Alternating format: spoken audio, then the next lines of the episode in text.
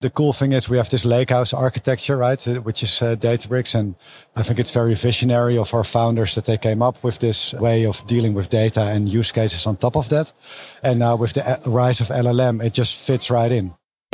De Dataloog is de Nederlandstalige podcast over big data, data science, machine learning, kunstmatige intelligentie en de digitale transformatie. Luister naar onze wekelijkse podcasts, nieuwsupdates, specials en mini-colleges. Ja, en terwijl er nog snel een selfie gemaakt wordt, uh, gaan we alweer door met de volgende opname. Nog steeds live vanaf de Big Data Expo in Utrecht in de jaarbeurs. Eva, drukte van belang hè? Het is een drukte van belang. We, we stonden net in een zaal. Nou jongens, die puilde uit. Het was uh, ook niet zomaar een spreker die daar op het podium stond. Dus ik snap wel waarom uh, half uh, de Big Data Expo daar aanwezig was. Ja, de spreker was Teken Mentes van Shell. En Teken die spreekt geen Nederlands. Dus bij hoge uitzondering, we will switch to English for you, Tekin. Thank you very much. Great to have you on the Dataloog podcast today. Pleasure to be here. Thank you. And you're joined by Ivo Everts from Databricks. Hi.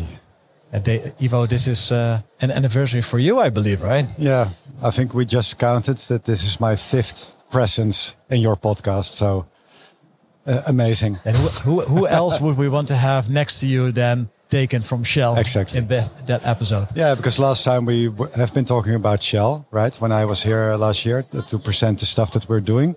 So really cool to have you here today. Super. Great. Tekin, you just did a, a keynote, and uh, yeah, we just mentioned in Dutch that it was crowded. Uh, yeah. It was a packed house. Everyone was interested in your stories. So Yeah.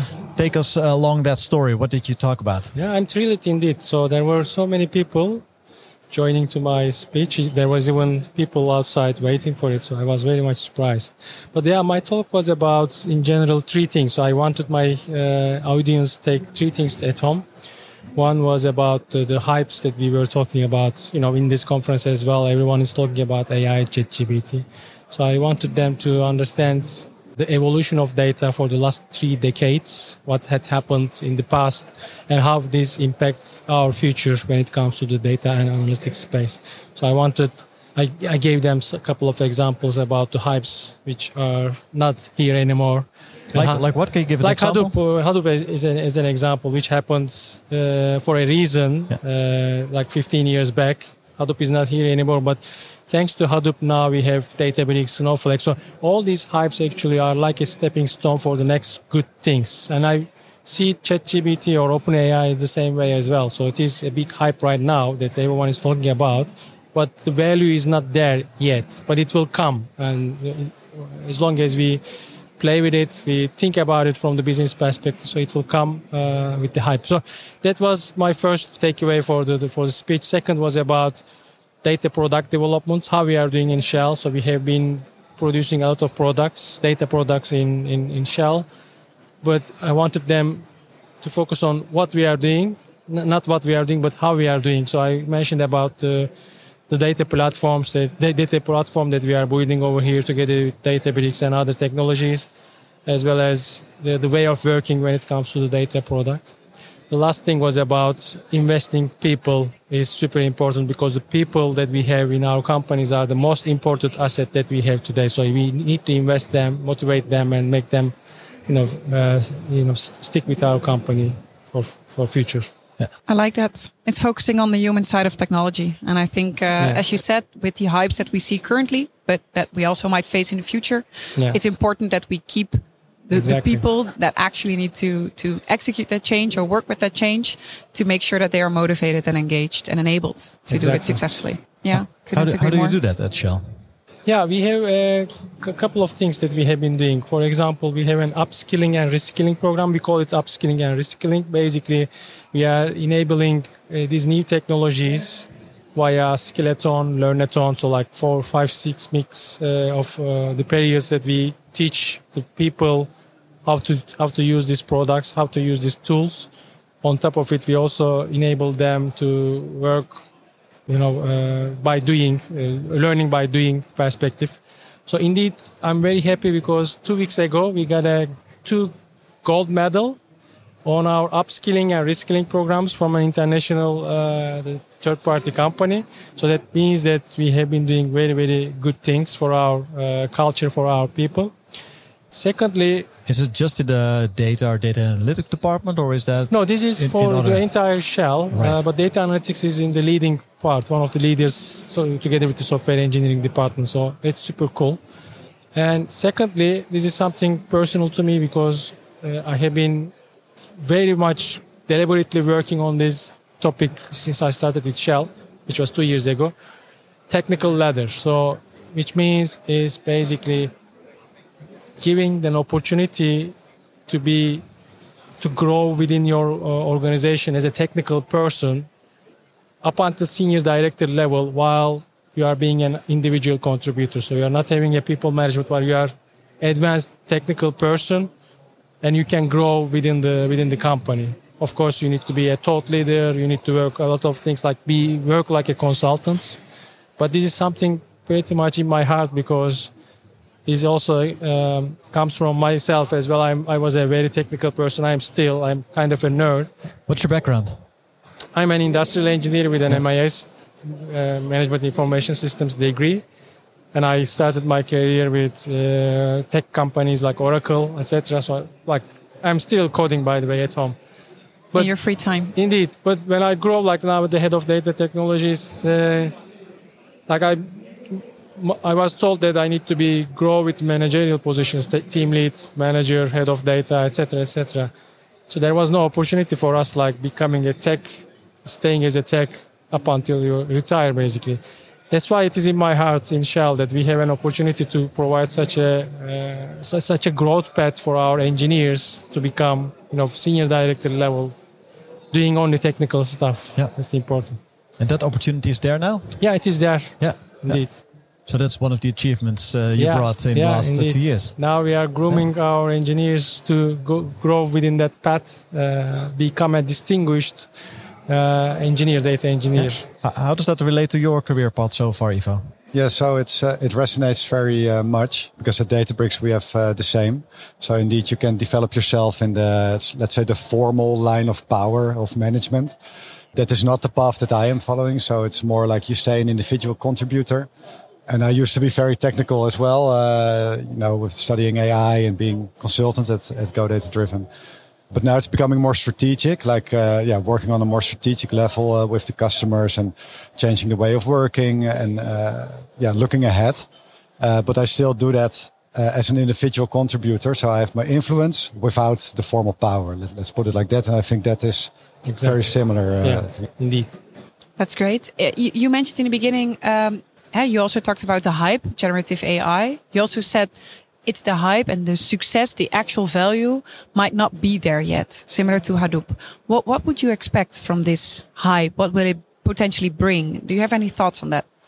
Yeah, indeed. So I mentioned in my speech specifically like certain hypes are there. Like we talked about Hadoop, but recently, like last year, we were talking about metaverse, before that NFT or the blockchain. I'm not decreasing their value, by the way, but what I'm just saying is from the business perspective, what these hypes are bringing to the business when it comes to the value generation. So we need to be focusing on that one. And I see a big potential when it comes to the AI, the ChatGPT.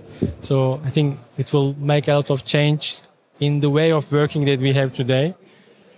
It might not be there yet as, uh, as we speak because like we are mostly looking from the hype perspective, like it is there, like hey, big things are happening, etc. But when it comes to the value, when it comes from the business line, it's not there, there yet. But I see some potential, like for example, content search. Uh, when it comes to Shell, as an example, we have a huge amount of you know documents that are sitting there, uh, not digitalized uh, or, or half digitalized. Even if it's digitalized, then it's almost impossible to find the, the right context in it. I think that like OpenAI would make a difference to make this knowledge base, you know, accessible by many people inside Shell. That's one example, but I will. I, am expecting more examples will come, and then we will see more, much more value, and it will change the world. And looking at uh, generative AI, I believe Databricks is also quite on the bandwagon, right? Uh, yeah, that's an understatement. it's uh, I was astonished uh, to learn earlier this year that we acquired Mosaic ML, which is uh, a company focused solely on that for an astronomous astronomous uh, amount of money. Uh, but yeah, we now have like the best guys and girls on the planet that know how to train these models and apply it to all different kinds of scenarios. So it's yeah, really really cool. Yeah, so uh, Databricks uh, doesn't see it as a hype. No, no, we don't. I mean, it's uh, the the cool thing is we have this lakehouse architecture, right, uh, which is uh, Databricks, and I think it's very visionary of our founders that they came up with this uh, way of dealing with data and use cases on top of that. And now with the uh, rise of LLM, it just fits right in. Yeah. So, and it's you know it's this tipping point of performance that we uh, reached. that was not the case when I graduated, if you remember, Walter. Yeah. I mean, it, I mean, a lot of work, no application. But that has changed now, and uh, and yeah, you can just build that uh, on Databricks as well. I'm specifically yeah. very much excited about the Mosaic ML acquisition of the Databricks yeah. indeed because that enables companies like Shell to do their own LLMs, which is super important uh, because like Shell or other companies would like to keep that data inside uh, our organization. Yeah. And Mosaic ML is opening that doors towards to those enterprises basically. Yeah. Cool. Yeah that's what we're gonna do. Yeah. yeah. and Tekin, you mentioned yeah. uh, uh, quite a few achievements that make you proud. Looking at the global Shell organization. Now, and but you also mentioned hypes and the development that you need to embrace them, although they will not only be always be valuable from the start. If we look ahead a little bit, let's say two years from now, maybe three years, what would make you really proud at this point? If you look ahead in time for uh, at Shell. You mean? Um, yeah, in your capacity. Yeah, in, in my capacity. Yeah, so, very good question. Shell is, as you can imagine, a huge organization, right? So we have so many business lines, so many different way of working that is happening. And in my speech, I also mentioned that we are applying data product way of working. So I'm trying to create a small central organization who makes the standardization processes and procedures for the data domains, uh, data product teams we achieved that part, but we haven't achieved yet fully on the, the data product way of working, where I want all these teams are independently working for generating business value. But in the meantime, they're applying all the standards and the proce- procedures that we are bringing to them. The reason is because the data product teams should be focusing on the developing the product for business, not for technology, not for standards, not for frameworks, etc. So we are providing them these things. They should be focusing on only the business part of it. We, if we achieve this in the next couple of years, uh, I think Shell will make a big impact in the in the in the data and analytics world. I must say, so because we have huge potential, considering the 1,500 data engineers in Shell. And where would that impact potentially be if you can make the shift? So would be more like instead of working into the silos, it will be more focusing on one value generation from different domains. So if you if I give you an example, if one domain is working on customer data, it's quite possible that some other domains are doing the same thing. So we need to, you know, get rid of this redundant kind of work and then make sure our data platform, one data platform, is being used by all these data platforms in a synchronized uh, way. Uh, get most out of your data without any duplications. Yeah, yeah, yeah, which is not the case today, unfortunately. Ivo, with all these developments, Databricks, uh, with uh, Shell uh, using uh, your technology at the moment, if you look ahead a little bit in time, uh, what do you see as yeah big achievements for in your role? Yeah, so I want to continue on what Tekin was just uh, saying and want to position it in the context of the energy transition because that's actually uh, what we are all trying to uh, accomplish here. And there's yep. also a separate track here at the Big Data Expo, specifically talking about the, the mm-hmm. energy transition. And the things that Tekin is talking about, so that is interoperability, so being able to share data, being able to collaborate, uh, and having a, a yeah digital data culture in your organization, they are actually known to be to contribute to this energy transition. So if you are able to share data or to share your supply chain to do you know demand forecasting accurately, mm-hmm. these kind of applications they will contribute for well, the World, World Economic Forum last year said it would contribute for 20% for the net zero target that is set for 2050. So that is that is where I what, what gets me out of bed nowadays, knowing that uh, and uh, you know Databricks fits in there quite nicely with the interoperability, data sharing, etc., and the digital culture that we are building together in Shell. Um, I hope to actually make that contribution towards those targets. Yeah. yeah. Do you also see uh, data and analytics contributing to uh, yeah energy zero absolutely and uh, absolutely. energy transition? Yeah, absolutely. So in my speech, I also mentioned that there are two mega trends happening in, in, in, in the world today. One is energy transition, the other one is digitalization. Meaning, uh, Shell is believing digitalization makes energy transition cheaper, faster, and better. And as a data person, as a data guy in Shell, I'm pretty much you know feel myself lucky to be in the right place in the in the in the center of these two mega trends. And of course applying ai utilizing data and, and, when i say the data i mean is not only the data that we have today but also the, the data that are not available to towards us today but could be made available for us. So by utilizing these things we can you know help support the energy transition uh, uh, targets achieved before it, you know, it, it, hit, the, it, it, hit the tar uh, target date basically. Yeah. I think we can only wish you all the best on that that journey. Yeah. Great goals. And is any famous last words before we round up? Anything you mentioned already? Great, uh, great goals, of course. Anything that you guys want to uh, share with the audience as a final takeaway? Well, now that I, I heard myself talk about my targets uh, for 2050, like the what I always found find uh, remarkable is that there are no LLMs in that story, right?